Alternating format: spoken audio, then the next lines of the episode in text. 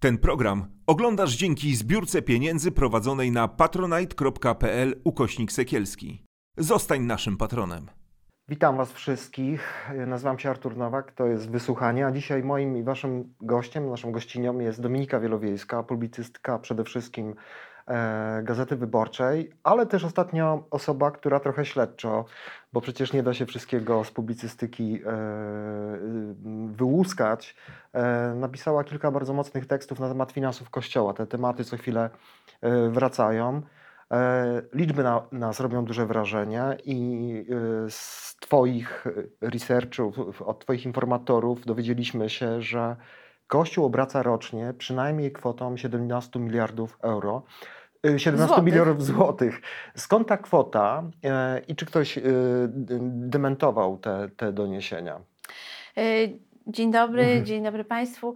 Y, To znaczy tak, to oczywiście te liczby pochodzą z, mm, od, z rozmów z moimi informatorami, którzy znali szczegóły negocjacji Kościoła z Polsatem.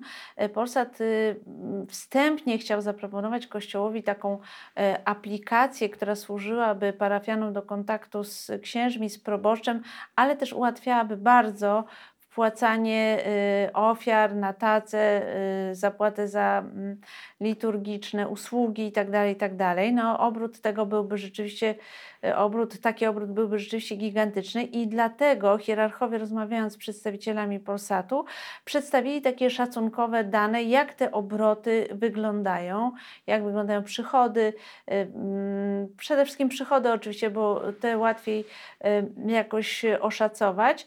I rzeczywiście mm, tu by- były wyróżnione następujące pozycje, to znaczy przychody z tacy, przychody z usług liturgicznych, czyli pogrzeby, śluby, chrzciny i y, także działalność gospodarcza, która rzeczywiście Kościół, którą rzeczywiście Kościół prowadzi na szeroką skalę y, i zyski z nieruchomości, bo rzeczywiście Kościół jest potentatem na rynku nieruchomości z y, kilku przyczyn, bo odzyskał jako jedyny miał nieograniczone pole, jeśli chodzi o odzyskiwanie swoich, swoich ziem. E, Inne podmioty czy osoby prywatne absolutnie takich możliwości nie miały, takich jak, jak Kościół. Em, I te obroty właśnie y, w sumie sięgają 17 miliardów złotych, co oznacza, że Kościół jest naprawdę potężnym, potężnym podmiotem. Y, Tyle, że trzeba dodać jedno zastrzeżenie. Oczywiście system finansowy w Kościele jest bardzo zdecentralizowany. Nie ma jednego e, ekonoma, który e, kontroluje te 17 miliardów złotych, tylko jest to ponad 40 diecezji, które podlegają bezpośrednio Watykanowi, a każda diecezja jest swego rodzaju takim księstwem udzielnym biskupa i on dysponuje tymi pieniędzmi przy, powiedzmy sobie otwarcie, dość ograniczonej e, kontroli, tak? bo Watykan jest daleko, a episkopat jako ciało nie ma, nie ma nic do tego, jak ten biskup pieniędzmi gospodaruje. To jest, zdaje się, problem całego świata, bo jest w przygotowaniu wywiad y, z Jamesem Barrym, który opowiada, że amerykańscy katolicy wymuszają sprawozdania finansowe od poszczególnych diecezji. W Ameryce też to jest trudne. To jest też wielki temat w Irlandii. Mówi się, że tam e, pomimo rozliczeń z, kościo z kościołem e, tej sfery finansów nie udało się do końca uporządkować, ale to chyba co jest najbardziej znamienne w ich tych reakcjach, bo to tak działa, uderz w stół, a nożyce się odezwą, no to jest y, taka reakcja episkopatu, e, kiedy ty pokazałaś dane, które zebrałaś i poprosiłaś o komentarz, bo tego wymaga jakaś rzetelność, żeby po prostu potwierdzić to też z drugiej strony i ta reakcja była bardzo nerwowa. Tak, rzeczywiście, bo jeszcze tylko dodam, bo zapytałeś, e, czy ktoś dementował. Oczywiście nie, Polsat y, odpowiedział, że nie będzie w ogóle komentować Tajemnica tych, tak tych dalej, e, doniesień. E, Kościół e, też uznał, że nie będzie dyskutować na ten temat. Właśnie mm, twierdząc, że system jest zdecentralizowany, to jest prawda, ale wtedy na użytek tych negocjacji jednak biskupi starali się przekon- pokazać, jak to wygląda e, w skali kraju, tak. Mhm. E, I tak było, więc oczywiście nikt tego nie, nie zdementował. Natomiast y, ja oczywiście pisałam do episkopatu i pisałam do kilku wybranych diecezji e, żeby zobaczyć, czy jestem w stanie cokolwiek od nich uzyskać. I właściwie reakcja tych wszystkich diecezji, dalej już nie pisałam, bo wiedziałam, że, że do 40 diecezji nie ma sensu pisać, skoro tych 10 albo odpowiedziało, że absolutnie nie będzie ujawniać, bo nie musi, a część z nich w ogóle nawet nie, nie odpowiedziała.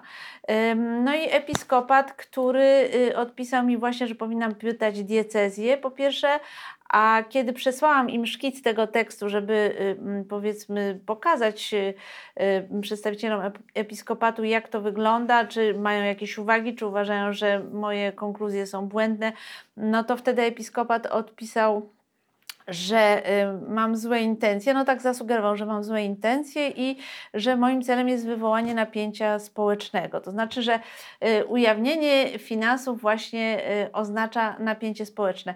Oczywiście to napięcie jest i bez moich tekstów z tego prostego powodu, że dość dużo pieniędzy budżetowych płynie do kościoła różnymi kanałami. Ja nie twierdzę, że wszystkie te wydatki są bezsensowne. No jeśli mhm. chodzi powiedzmy na przykład o restauracje zabytków, to, to, jest, e, to jest jasne, że, koś, że, że, że państwo no współfinansuje, że Unia też, Europejska tak, współfinansuje tak, te tak. zabytki e, sakralne.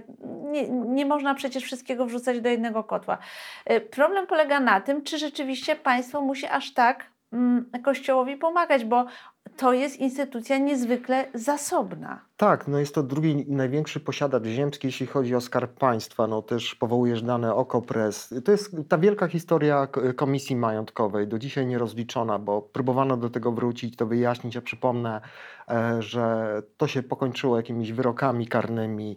E, Gazeta tak. Wyborcza swego czasu dość mocno pisała o biskupie Liberze, o, o, o tym, jak e, członkowie jego rodziny no, brały, brali udział w, w dość dziwnych transakcjach finansowych, a biskup Libera był jednym z, z, osób, która, która bardzo mocno pojawia się w, tej, e, w, tej, w działaniach tej komisji, ale znamienne dla mnie jest to, że to nie przeszło. Mam na myśli tą aplikację, którą proponował Solarz. Tam miała być prowizja na niego. On jest znany z tego, że tak. on lubi takie przedsięwzięcia bezpieczne, powszechne i to jest taki typowy, to typowe jest właśnie dla jego biznesów. Ja się tak zastanawiam po prostu, bo e, no Kościół w końcu by miał jakąś kontrolę nad tymi finansami. To znaczy by było wiadomo, ile jest mniej więcej przychodów z stacji, jeżeli doszłoby rzeczywiście do powszechnienia się obrotu bezgotówkowego, no bo w tej chwili nie ma nad tym kontroli, nie tylko zewnętrznej, powiedzmy sobie szczerze, ale proboszcz nie wie, co robi z wikary pieniędzmi, y, z pieniędzmi wikary, biskup nie wie, co robi proboszcz, no bo tam nie ma żadnej kontroli. To, to, to są pieniądze w kopertach, w workach, w koszyczkach i, i, i tak dalej. No po to powstały mechanizmy kontrolne, że niekoniecznie może zakładano złą wolę osób, które dysponują pieniędzmi, ale żeby jakaś kontrola była i to jest chyba oczywiste. W tej chwili nie ma żadnej kontroli, nawet wewnątrz kościoła, ja twierdzę. Oczywiście, że nie ma kontroli, ponieważ yy, tak, przede wszystkim biskupi nie chcą żadnej kontroli. Watykan jest daleko, w związku z tym można jest robić co się chce. Tak. Ten przypadek, że Watykan w końcu odpowiedział na, y, na skargę y, szeregowych księży w sprawie arcybiskupa Głudzia jest sytuacją wyjątkową oczywiście, bo tam już patologia przybrała takie rozmiary, że już nawet Watykan nie mógł tego zdzierżyć. No tak, bardzo bezczelne to było. Ale, ponieważ po prostu y, arcybiskup Głódź nie dość, że mobbingował tych księży, no to rzeczywiście drenował o nich gotówkę Ustawiał przetargi na, na parafie. Na, tak, na najróżniejszy sposób. Właśnie przetargi na bogate parafie, wyciąganie przy okazji właśnie tych y, y, wizytacji biskupów, bardzo dużo y, pieniędzy no dla siebie przede wszystkim, na no, swoje prywatne za komunię, takie... za bierzmowania tak, i tak dalej. Tak, to wszystko było bardzo, bardzo skomercjalizowane. Mm, natomiast na czym polega problem? Że nie można kreować kościoła jako instytucji biednej, bo właśnie ten proboszcz jeden czy jedna parafia jest biedna, bo to jest prawda. Są parafie bardzo biedne, są parafie niezwykle zamożne. Przepływ pieniędzy czy rodzaj solidarności między tymi biednymi parafiami a bogatymi praktycznie jest no, bliski zero. On oczywiście jakoś tam istnieje, jest jakiś fundusz solidarnościowy i tak dalej, ale to jest bardzo skromne i te różnice dochodowe między poszczególnymi parafiami rzeczywiście są e, gigantyczne. Latynizacja. Ale pytanie, taka. czy to mhm. jednak nie te bogate parafie przede wszystkim powinny wspierać te biedne parafie, a nie e, od niezamożnych parafian wyciągać e, ostatni grosz? No to jest zawsze to pytanie. A druga sprawa jest taka, która budzi moje największe wątpliwości, że jest bardzo nieprzejrzysty system finansowania biskupów.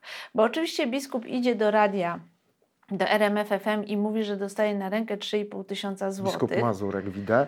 E, u, Mazurka, u Mazu, Roberta Mazurka, tak, no ale tak, niestety tak. trzeba go zapytać, ile pieniędzy Za dostaje do własnej kieszeni za wizytację w parafiach, bo to, że kuria mu płaci 3,5 na rękę, to jest, pewnie, to jest prawda, bo tyle Mhm. mniej więcej to wynosi, ale pytanie, ile zarabia na tych y, y, wizytacjach I, i to są dochody w ogóle nieopodatkowane, czyli mamy sytuację, bo oczywiście te 3,5 Znaczy, tysiąca jest przypomnijmy naszym opodatkowane. widzom tylko, że każdy przyjazd biskupa na parafię w ramach wizytacji, każdy wy- wyjazd w ramach odpustu, każdy wyjazd na bierzmowanie, no bo to jest prerogatywa tylko i wyłącznie bi- biskupów, wiąże się po prostu z jakąś ofiarą. Darowizną, tak. I to Mhm. jest darowizna, którą wielu księży mówi, że tysiąc złotych, jak ktoś daje poniżej tysiąca złotych biskupowi, mówię o proboszczu, który przyjmuje takiego biskupa w parafii, y, to y, raczej może się liczyć z tym, że będzie miał złe relacje z kurią. No tysiąc złotych to jest takie minimum, a, a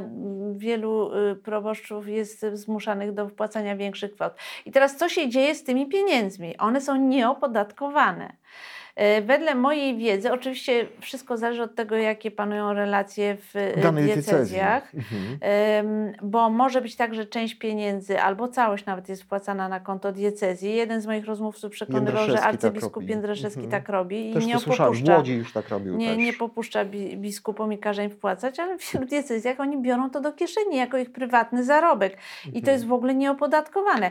Czy to jest fair, że to nie jest To opodatkowane? nie jest pytanie tylko, czy to jest fair, bo w kościele nic nie jest opodatkowane. Bo No nie, nic to nie, no bo tam księża płacą No, ryczałt. płacą ryczałt kwartalnie od 150 do 1500 zł. Tak, Powiedzmy tak, sobie tak, szczerze, tak, no, to, to w ogóle jest y, taki symboliczny bardzo podatek.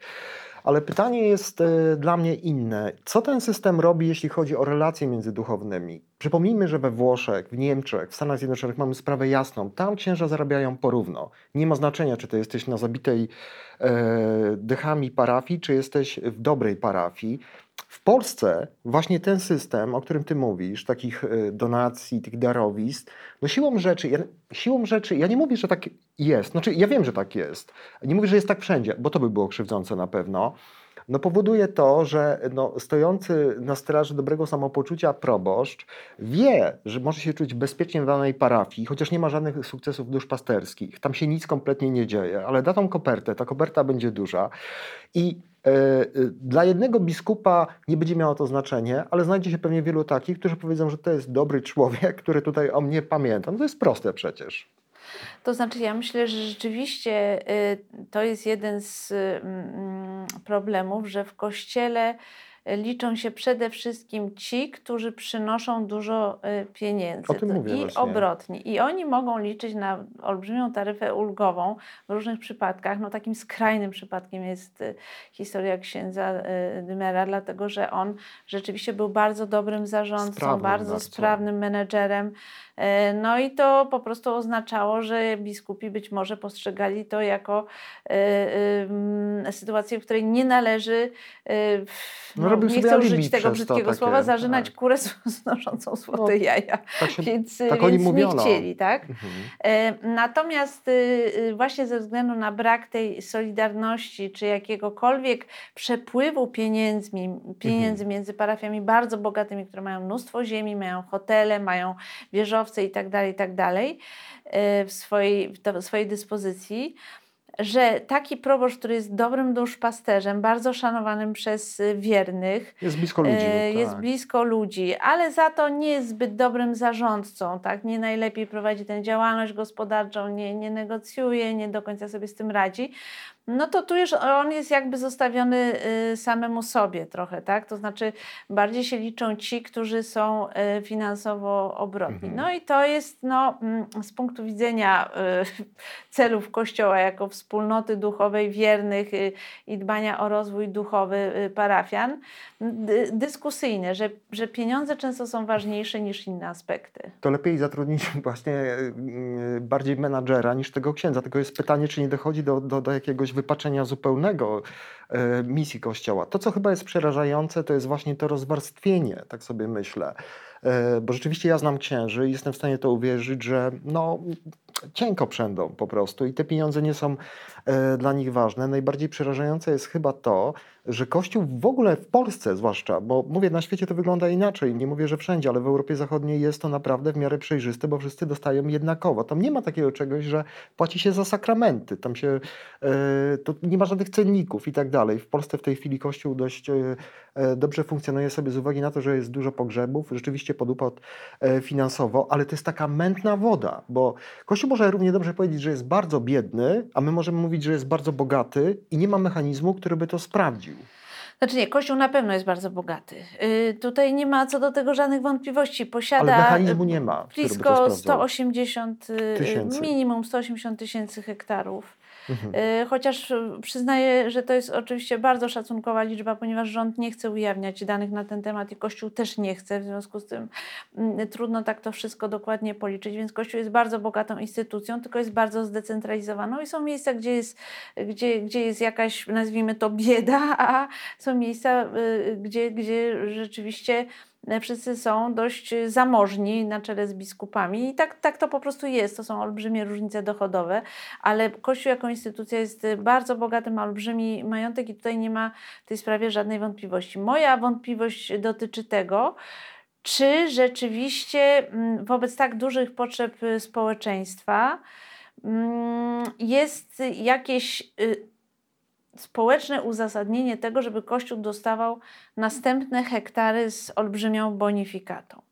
Mhm. E, jaka jest korzyść tego dla państwa i dla ogółu społeczeństwa? Mam w tej sprawie wątpliwości. Mam też wiele innych wątpliwości, bo ja doceniam działalność charytatywną Kościoła, bo rzeczywiście, y, szczególnie siostry, one są akurat zazwyczaj na samym dole tej tak, hierarchii finansowej. Tak. One żyją z ciężkiej pracy, często fizycznej e, mhm. i, i, i one rzeczywiście żyją skromnie bardzo często. No tak? bo to też jest... Czy zakonnicy. Mhm. Ale chcę ci zwrócić tylko na jedną rzecz uwagę, że prowadzenie działalności charytatywnej Kościoła też powinno być pod pewną y, kontrolą i to nie jest tak, że y, hurra, cieszymy się, że Kościół coś robi. No Podam taki przykład. w Caritasie.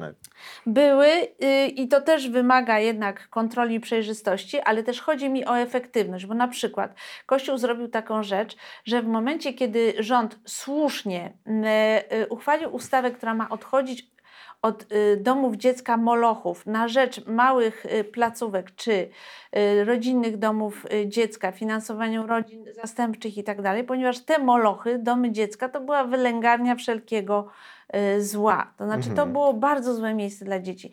No a Kościół pobudował jakieś takie gigantyczne domy, właśnie, żeby tworzyć te takie wielkie domy dziecka, co było bez sensu, więc Kościół trzeba też oceniać y, z punktu widzenia efektywności tej pracy mhm. charytatywnej. No ja tak uważam, że nie, że y, oczywiście dobra wola, dobre chęci i tak dalej, ale trzeba patrzeć w szczegółach, no tak, tych... jak to jest finansowane, jak to jest efektywne, czy to ma sens. No już nie mhm. wspomnę o takich skrajnych przypadkach braku kontroli, tak jak przypadku mhm. siostry Bernadety, że państwo musi jednak to kontrolować. No ale mhm.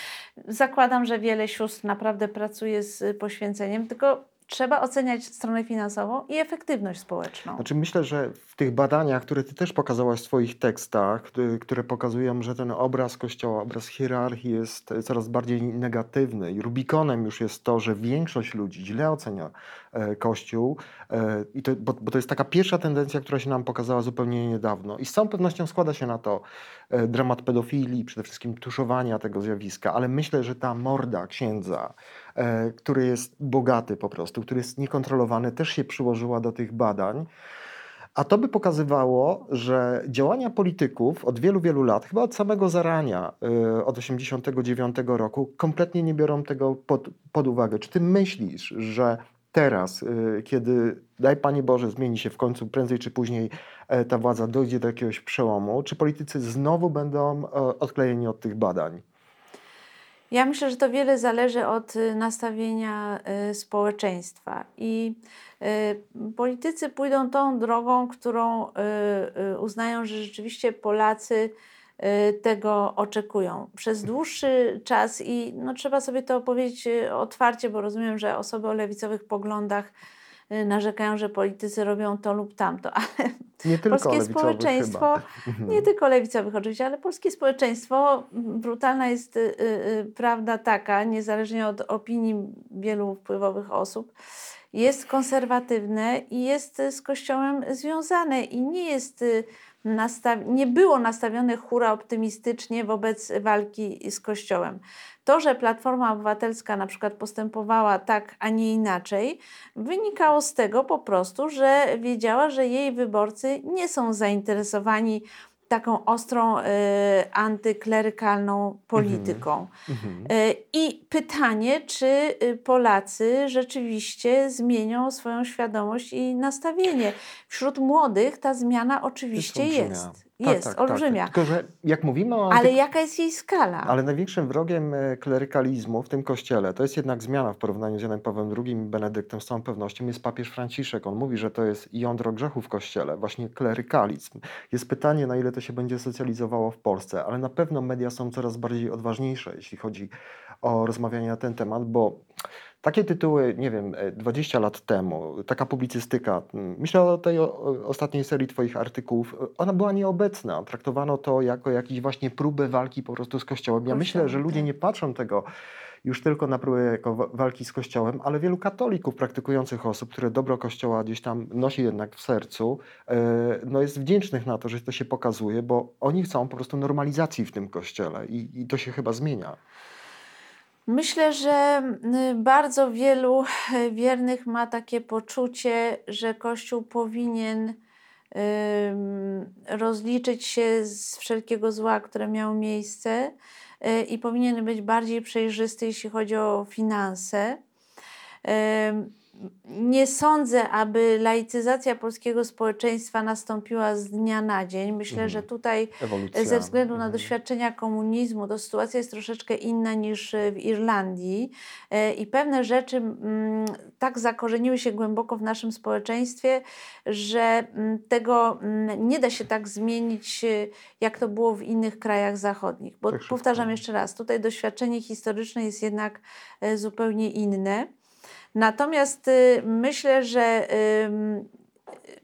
klasa polityczna, opozycja, y, sądząc z tego, sądząc ich deklaracji, które słyszymy, jest gotowa podjąć debatę na temat relacji państwo-kościół, także w sferze finansowej, bo po prostu państwo ma bardzo dużo pilnych rzeczy do zrobienia i, i y, oddawanie Kościołowi na przykład ziemi za darmo e, w tej sytuacji no, jawi się trochę jako taka delikatnie rzecz ujmując, zbytnia rozrzutność, bo naprawdę jest masa ludzi w Polsce, którzy żyją bardzo skromnie, potrzebują pomocy i oddawanie y, takiego majątku y, za darmo jednej instytucji no, w żaden sposób nie spełnia żadnego społecznego y, celu. Więc Lewica ma swój projekt, Hołownia ma swój projekt, na przykład likwidację takiego artykułu 70a, który tak, pozwala tak, Kościołowi mhm. nabywać ziemię na ziemiach zachodnich i, i północnych jako rekompensatę tego, co stracili w wyniku zmiany granic na, na wschodzie. Tak? Już Kościół y, zyskał 76 tysięcy hektarów, tak to jest szacowane, tak. właśnie na tych ziemiach zachodnich i, i północnych. Pytanie, czy naprawdę y, nadal państwo ma oddawać tę ziemię Kościołowi, kiedy jego majątek jest już gigantyczny? Ja myślę, czy nie ma bardziej wymowne i obrazowe Ważnych celów. tym, o mhm. czym mówisz, o czym zresztą piszesz, jest to, że y, to nie jest tak, że y, ktoś tutaj ocenia Kościół, bo ten Kościół jest różnorodny, tak jak mówisz, bo ja mam takie wrażenie, że te osoby, które wykonują tą organiczną pracę u podstaw, y, mm, które tworzą y, jednak pewien autorytet tego kościoła. Mam na myśli siostry zakonne, ludzi, którzy się gdzieś tam opiekują biednymi, bo ta działalność charytatywna nie budzi żadnej wątpliwości. Są w zupełnie innej sytuacji i że ten system właśnie promiuje te takie tłuste y, koty, tak? Ludzi, którzy czym wyżej po prostu, tym więcej zbierają tych pieniędzy. Oczywiście to jest pewne obrazowe ujęcie, bo tutaj nie chodzi mi o to, że jest jakiś tam biskup, który ma jakąś tam wielką skrzynkę i sobie te pieniądze gdzieś tam upycha. Natomiast e, właśnie ten brak kontroli to e, powoduje, bez pytanie, czy rzeczywiście Kościół na tym e, zyskuje, tak? Kościół rozumiany tak bardzo szeroko, czy też po prostu pewne jednostki, i tak może powinniśmy to nazywać, nie? No bo to jest jednak różnica, jakby nie patrzeć. No bo jak mówisz o kopertach, no to one są dla biskupów. Jak mówimy o, o, o otrzymywaniu tej ziemi, a później dowiadujemy się o jakichś dealach po prostu innych, wynajmowaniu jakichś nieruchomości, no to jest pytanie, czy to jest właśnie, ma służyć tym biednym zakonnikom i tym biednym siostrom zakonnym. Oczywiście to jest sytuacja, w której jeżeli system finansowy jest nieprzejrzysty, to jeżeli można... nie mhm. ma mm, kontroli, znaczy ona, znaczy, oczywiście kontrola jakaś jest, ale ona jest bardzo ograniczona, mhm. no to z, po prostu pojawia się pole do niesamowitych nadużyć, bo pod y, y, zasłoną sakrum i wzniosłości po prostu y, robi się zwykłe y, biznesy i taka jest po prostu natura ludzka. No tak jak było z tymi cłami na samochody, tak? Nagle się okazało po prostu, że hurtem się hurtem te samochody są sprowadzane, tak? No. no tak po prostu działa. Tak samo było w komisji majątkowej. Y, jednak moralnie obarcza episkopat to, że wyznaczył takich ludzi, którzy po prostu mm, dokonywali jakichś oszustw, oszukiwali państwo najzwyczajniej w świecie. No to jest po prostu, to był po prostu jeden wielki skandal, co tam się działo w tej mhm. komisji majątkowej. Nie oszukujmy się. Episkopat moralnie za to odpowiada. Co to oznacza? To oznacza, że jak nie ma przejrzystości, nie ma kontroli społecznej, nie ma kontroli państwa, to jest to znakomite środowisko do tego, żeby robić rozmaite przekręty i y, oszustwa, mając gębę pełną frazesów o, o tak, świętości i, i, ubóstwie, tak? Bo, mhm. to, bo to nie dla mnie, tylko dla kogoś, a tak naprawdę to jednak po prostu zarabiają jakieś postacie dosyć właśnie typu Marek P., tak? który został zresztą y, mhm. skazany. No ale też powiedzmy, Mhm. Nie można powiedzieć, że tutaj sprawiedliwości stało się zadość, bo po prostu wiele ziem, które samorządy potraciły i potraciły w bardzo dziwny sposób, to nic z tym się ostatecznie nie, da nie, nie, dało tak, Michał zrobić. Boni próbował później jakoś coś z tym robić, natomiast wiem, że to się skończyło na niczym.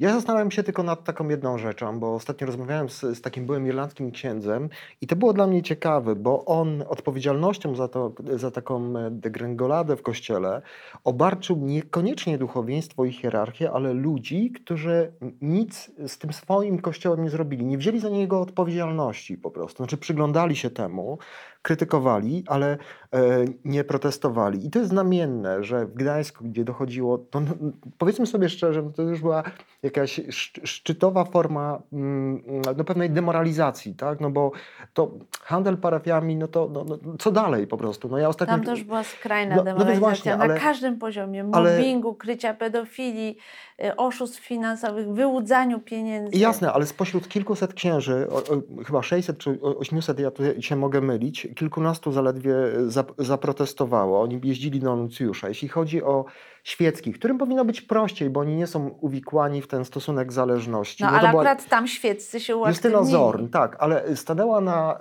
e, czele protestu Justyna i tam było kilkudziesiąt, może e, pod sto osób. Ale kupili y, ogłoszenie we włoskiej prasie, nie, nie, no, sam do się do tego dołożyłem i dostałem podziękowania i bardzo się cieszę z, z tego ogłoszenia, bo tam wiele osób z takiej satysfakcji, już z takiej powiedzmy sobie szczerze sympatii do arcybiskupa e, Gudzia pewnie się do tego dołożyło i to przyniosło jakiś efekt, tylko przerażające jest to, że tak mało ludzi podłączyło się pod tego pro, e, protestu. To jest temat na inną dyskusję świadomości katolików Ale prostu. tutaj sprowokowałeś mnie do osobistego wyznania, bo to jest mój problem, mój mhm. osobisty problem. No właśnie. E, ponieważ ja jestem katoliczką, moja rodzina jest katolicka, byliśmy i jesteśmy związani z Klubem Inteligencji Katolickiej.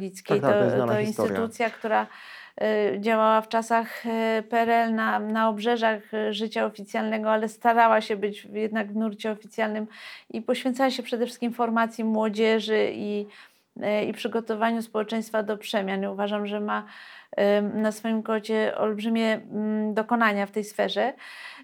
I moim osobistym problemem jest to, że po tych wszystkich sprawach, które zostały ujawnione, po tuszowaniu y, pedofilii, przymykaniu y, oczu, y, takiej bardzo szkodliwej, niezdrowej solidarności korporacyjnej, kryciu grzechu i mm, po prostu przyczyniania się do krzywdy dzieci najzwyczajniej w świecie i braku rozliczeń, braku rozliczeń, bo to co, co to znaczy, że biskup Janiak i arcybiskup Głódź zostali ukarani, jak my nie wiemy tak naprawdę o, za co zostali ukarani i ta kara jest bardziej symboliczna. I na co zostali, bo to Tak. odpowiednią sumę mają wpłacić. Równie Tak, dobrze nawet złotówkę, nie wiemy. rozumiem, Zresztą wpłacić. oni nie realizują, biskupianie, jak, jak słyszę, nie realizuje No. nawet tego zalecenia Watykanu, więc to jest wszystko pisane patykiem po wodzie.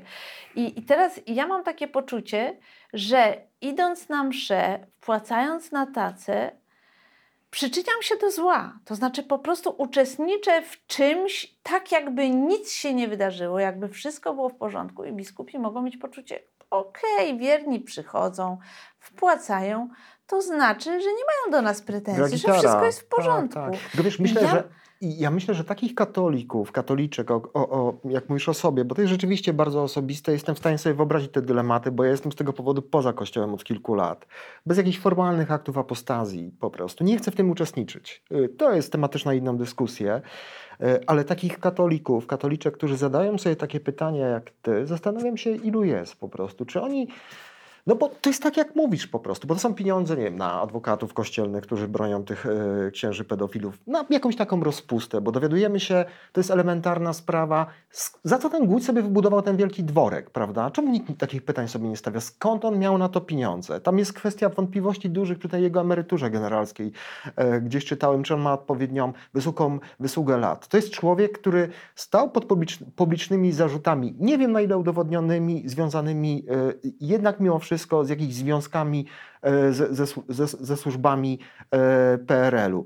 I to rzeczywiście tak jest, bo to, to też jest pytanie, na ile jeszcze to, bo Kościół się tym szczyci właśnie, tym uczestnictwem mszy, prawda, generalnie. To jest Znaczy duży, spada, ale, Ale to jest też duży dylemat. nie wiemy, jaki jest powód to jest też duży dylemat dla katolików, bo ja często takie e, słyszę po prostu wyzwania też katolików i to księża też mi mówią, tacy znajomi. Nie chudźcie na mszę i tam po prostu nie płaccie. No, tylko to, że to jest, ta Eucharystia jest jednym takim bardzo ważnym, mówi, że to jest, mówi się, że to jest pokarm duchowy, bardzo ważny element tego. Ja się pytam e, tylko o taką rzecz. Ty myślisz, że jest taka miara? To jest bardzo indywidualne pytanie, ale zaczęłaś o tym mówić i czuję się e, upoważniony, żeby się to spytać.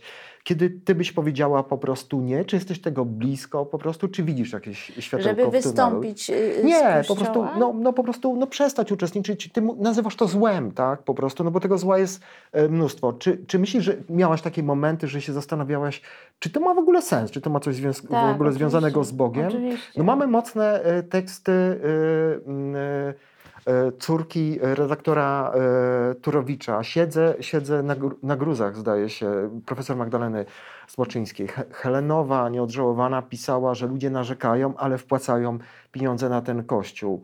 Nie wiem, może to jest takie wyjście, żeby poczekać, żeby się coś z tego odrodziło. Była taka sytuacja, w której ja w którymś momencie na Facebooku napisałam właśnie też trochę o tych swoich wątpliwościach i pomyślałam, żeby dać sygnał biskupom, że jeżeli będziemy wrzucać na tacę jeden grosz, to będzie na, nasza forma protestu. Em, No i pamiętam, że jeden z moich kolegów, no nie czuję się upoważniona, żeby mówić kto, e, jeden z dziennikarzy, nie z mojej gazety, tylko z innej, powiedział: No, ponieważ jesteśmy w jednej parafii, to ja zapłacę dwa razy więcej, żeby skompensować twoją, Mhm. e, m, Twój ubytek na tacę. E, m, Zaskoczyła mnie ta reakcja, bo po prostu to jest y, człowiek, który mm, jest bardzo wrażliwy na zło i, e, i wie, że się źle dzieje, ale jego reakcja była właśnie taka. I to było dla mnie symptomatyczne, bo to oznacza, że wiele e, osób e, będzie e, Kościoła e, bronić niezależnie od tego, jak on by funkcjonował.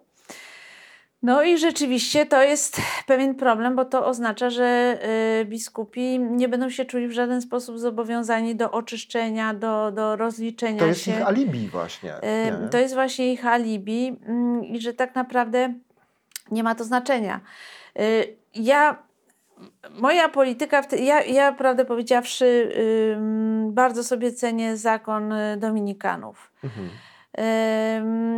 I chciałabym po prostu w kościele y, wspierać y, te osoby, które są zdecydowane naciskać na kościół, żeby się oczyścił. Czy to jest walka z wiatrakami? Trochę tak. No, już tak a propos tego zakonu Dominikanu, u was w gazecie robiłem wywiad z Kozackim i, i z Mogielskim. Ja myślę sobie, że to nie jest problem. Mówimy tutaj, e, zobacz, jak przeszliśmy do innego tematu e, Malińskiego, tego, co się działo we Wrocławiu, tylko to jest odpowiedzialność zakonu Dominikanów. To jest odpowiedzialność prowincjała Zięby, który wyrzucił i potraktował na furcie ofiary. Ja rozmawiałem z tymi dziewczynami. Zmarnowane życia, zaburzone relacje intymne, bicie, podbijane No nerki. niestety tutaj się tego A ten nie człowiek po prostu ich e, generalnie no, wyrzucił tak naprawdę, nie chciał z nimi rozmawiać i ustawił się w ten sposób, bo to jest ważne, że powiedział: Jestem gotowy na ewentualny proces. Swoją miarą ich potraktował. Tak, One nie tak. przyszły tam się z nim procesować, Tak, tylko tak. chciałyby być wysłuchane. No 100% racji, to jest dla mnie bardzo bolesne, ale z drugiej strony doceniam to, że obecne władze zakonu mm, powołały taką komisję składającą się z osób naprawdę bezkompromisowych, No które, tak. nie, Na które nie będą nikogo Redaktor oszczędzać. Terlikowski jest taką Na osobą. pewno Tomasz Terlikowski taki jest i mo, można się z nim nie zgadzać w bardzo wielu rzeczach, ale akurat y, y, tutaj on się, nazwijmy to biskupom, nie kłania. To znaczy on mówi tak, jak uważa. I ma Ym, wroków z różnych stron i to jest ale chyba... powtórzę jeszcze raz, dla mnie to jest olbrzymi y, dylemat. To, jest Mhm. dla mnie, to jest dla mnie bardzo trudne. Y, Słyszę od wielu osób, że po prostu trzeba reagować. No i znów była taka y, sytuacja, że znowu usłyszałam w kościele y, coś o osobach homoseksualnych. Już się mm, po raz kolejny za, załamałam i wiem, że powinna była pójść do tego księdza i mu powiedzieć to. No a jedyne co, co robię, to rozmawiam z moimi dziećmi na ten temat, że tutaj y, trzeba bardzo krytycznie podchodzić do tego, co, co mówi Kościół, bo to jest po prostu najzwyczajniej w Mhm. świecie złe i tłumaczę im dlaczego. Ale to jest, y, to jest bardzo, bardzo trudna sytuacja. Z drugiej strony myślę sobie, że wszystko jest jakoś... E, bardzo w nas dużo jest niekonsekwencji. To znaczy po prostu tak to jest, że, że y, Kościół jest jednak ważnym ośrodkiem, szczególnie w rozmaitych y, ośrodkach, takich y, wspólnotach lokalnych. I bardzo wiele zależy od tego, kim jest proboszcz, jaki jest, ja- jacy są ci księża. Ludzie to widzą. I myślę też, że to jest sytuacja, w której też nasza mentalność dotycząca właśnie chociażby wykorzystywania dzieci, krycia pedofilii bardzo się zmieniła. I mam cichą nadzieję, że że jednak do takich rzeczy y, już nie będzie dochodzić, bo po prostu ludzie na to y, wiele rzeczy zrozumieli. Tak? Mhm.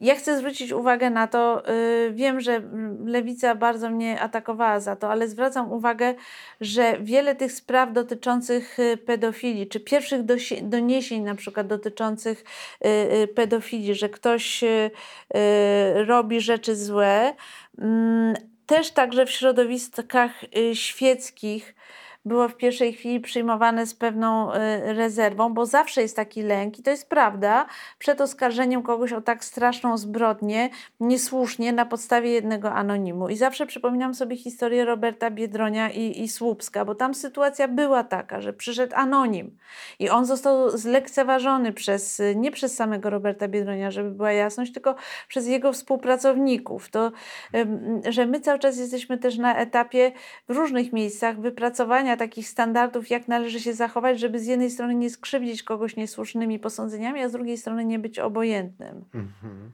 Ja myślę sobie, że tak, wyszliśmy od pieniędzy, przeszliśmy y, do nadużyć, mówiliśmy trochę o władzy. To jest właśnie ta wielka triada, która jest przyczyną chyba takiej największej deprawacji każdej korporacji. Pieniądze, władza i nadużycia na tle seksualnym. To się wszędzie pojawia, tam gdzie nie ma przejrzystości, tam gdzie nie ma kontroli, tam gdzie nie ma niezależnego sądownictwa. Na koniec chciałbym porozmawiać o Twojej lekturze ostatniej. Yy, wiem, że skończyłaś w końcu czytać wielką biografię yy, Baumana, Wygnaniec, Artura Domosławskiego. Jakie refleksje? Bo ja Ci powiem, że mm, ja się mocno dość załamałem yy, poznaniem, młodością Baumana. Ja nie wiedziałem, że to do, y, antysemityzm, y, ta walka z Żydami, jawna walka, walka wręcz, tak, generalnie, e, była tak mocno promowana przez te wielkie tytuły, Kurier Poznański, tak, tak. tą całą prasę wielkopolską. A Ciebie co najbardziej poruszyło w tej książce? Mnie to oczywiście też poruszyło, chociaż jednak miałam świadomość, że druga RP, szczególnie w latach 30., była straszna pod tym względem. E, niewiele różniła się zresztą od innych państw europejskich, ale ten, ten, ten trend był przerażający. Mm, natomiast oczywiście ja uważam tę książkę za niezwykle ciekawą, dlatego że to jest jakby, tu chodzi nie tylko o Zygmunta Baumana, ale i Artura Domosławskiego, który jest takim wyrazistym autorem, bardzo wyrazistych poglądach. No i takim biografem, który zaistniał bardzo mocno w e, ostatnich Tak, latach. To, y, i, i to jest troszkę też książka o Arturze. To nie jest tylko książka o Baumanie, tylko to jest także to książka o Arturze. Mhm. E, I ona wydaje mi się niezwykle ciekawa y, z różnych powodów, natomiast oczywiście ja z bardzo wieloma rzeczami, które Artur tam napisał, absolutnie się nie zgadzam. Uważam, że wiele spraw bardzo upraszcza. Y, no i w niektóre jego stwierdzenia, mm, no moim zdaniem już y, y, wymagałyby jednak po prostu sprostowania, tak sądzę. Aha. Y, dlaczego? Dlatego, że Artur wychodzi z takich pozycji bardzo lewicowych mm, i no, gloryfikowania PRL-u, co mi się po prostu wydaje absolutnie chybione bo Artur przyjmuje takie założenie, że gdyby mm, nie socjalizm, nie komunizm, to Polska i tak by była w fatalnym stanie i miałaby status państwa afrykańskiego, a w każdym razie, mm, tak można zrozumieć z jego wywodów, a w każdym razie no, byłaby takim samym koszmarem jak y, druga RP. No to jest myślenie całkowicie y, anachroniczne, takie Y, y, y, założenie moim zdaniem z gruntu fałszywe z no, tego powodu, że Euro, to jest tak. fantazja historyczna, no bo Europa mhm. zupełnie inaczej funkcjonowała i to trzydziestolecie ostatnie, które mamy za sobą pokazuje, że Polska jak ma względne warunki do, do funkcjonowania, no to nie jest państwem afrykańskim, tylko jest państwem, które oczywiście boryka się z różnymi problemami różnego rodzaju tak samo jeśli chodzi o, o, o biedę, ubóstwo i tak dalej, tak jak inne państwa zachodnie, ale nie można w ten sposób na to patrzeć. Natomiast ta opowieść Arturowi pozwala jakby. Mm, usprawiedliwiać Zygmunta Baumana w tym szczególnie jego pierwszym okresie stalinowskim, tak, no bo tak. on był, co tu dużo mówić, to no znaczy no tak. był, był przekonanym komunistą yy, i um, Ale... zabrakło mu krytycyzmu wobec rzeczywistości. Część ludzi, którzy byli zaangażowani w komunizm, ponieważ yy, to były osoby, które wierzyły, że to nowa przyszłość, Kołakowski. nowa perspektywa i tak dalej, jednak mhm. dość szybko się zorientowało, że ta droga prowadzi donikąd, a Bauman się nie zorientował. To, że został stamtąd wyrzucony, nie wynikało z jego krytycznego namysłu nad, nad swoim okresem y, tym właśnie stalinowskim, tylko po prostu z antysemityzmu Gomułki najzwyczajniej w świecie. No i wiele tam spraw, z którymi ja bym Arturem ale dyskutowała, ale warto, książka ciekawa. Warto, warto polecić. No i tak oto zaczęliśmy rozmawiać o e, pieniądzach w Kościele, porozmawialiśmy trochę o nadużyciu, o władzy. No i Myślę, że to też taka osobista była refleksja. Ja bardzo się cieszę z takich katolików, e, którzy mają taki namysł nad tym. Bardzo dziękuję Ci za to spotkanie. Ja dziękuję. Was wszystkich zapraszam do subskrybowania naszego kanału na YouTubie, na to, żebyście odwiedzały, odwiedzali stronę sekielscy.pl. Sporo gości, rozmawiamy o wielu e, różnych rzeczach, nie tylko o Kościele. Jest wiele historii, o których warto opowiedzieć, opowiedzieć może trochę inaczej, trochę tak indywidualnie. Do zobaczenia następnego razu. Trzymajcie się zdrowo, noście masteczki. Ten program oglądałeś dzięki zbiórce pieniędzy prowadzonej na patronite.pl ukośnik Sekielski. Zostań naszym patronem.